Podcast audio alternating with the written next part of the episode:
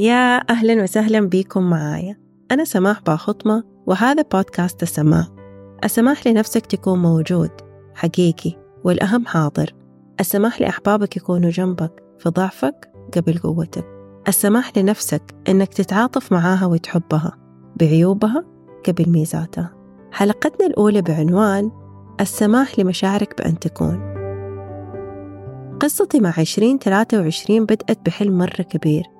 استنيته لسنوات مرة طويلة وسعيت لتحقيقه بكل قوتي وفعلا اتحقق.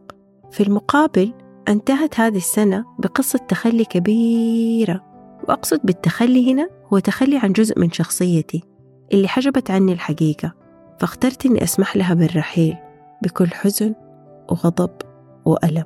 كتبت هذه الكلمات وأنا في موجة مشاعر عالية لعلها تلمس قلوبكم وتسمح لأرواحكم إنها تتنفس. وتسألوا نفسكم متى آخر مرة سمحت لقلبك إنه يحس؟ عام مر سريعا لكنه مليء بالمشاعر المتناقضة. أشعر بخيبة أمل عندما يقوم شخص باختيار صوته ونفسه ويتسبب في جرح أقرب الناس له. أشعر بالقوة عندما ينير بصيرتي رب العباد ويجعلني أرى الأحداث قبل حدوثها وهذا فضل وكرم منه. أشعر بالإشمئزاز من كل جبان خائف لا يستطيع مواجهة ذاته قبل مواجهة غيره. أشعر بالأمل في كل مرة أصل فيها إلى القاع لأني على يقين أن الجبر عظيم. أشعر بالشفقة اتجاه كل شخص يغتر بذاته وينسى ضعفه وأنه عبد لله وحده. أشعر بالحب عندما يرسل لي ربي مواقف مختلفة في رحلتي لتحضن قلبي وصوت يهمس في إذني.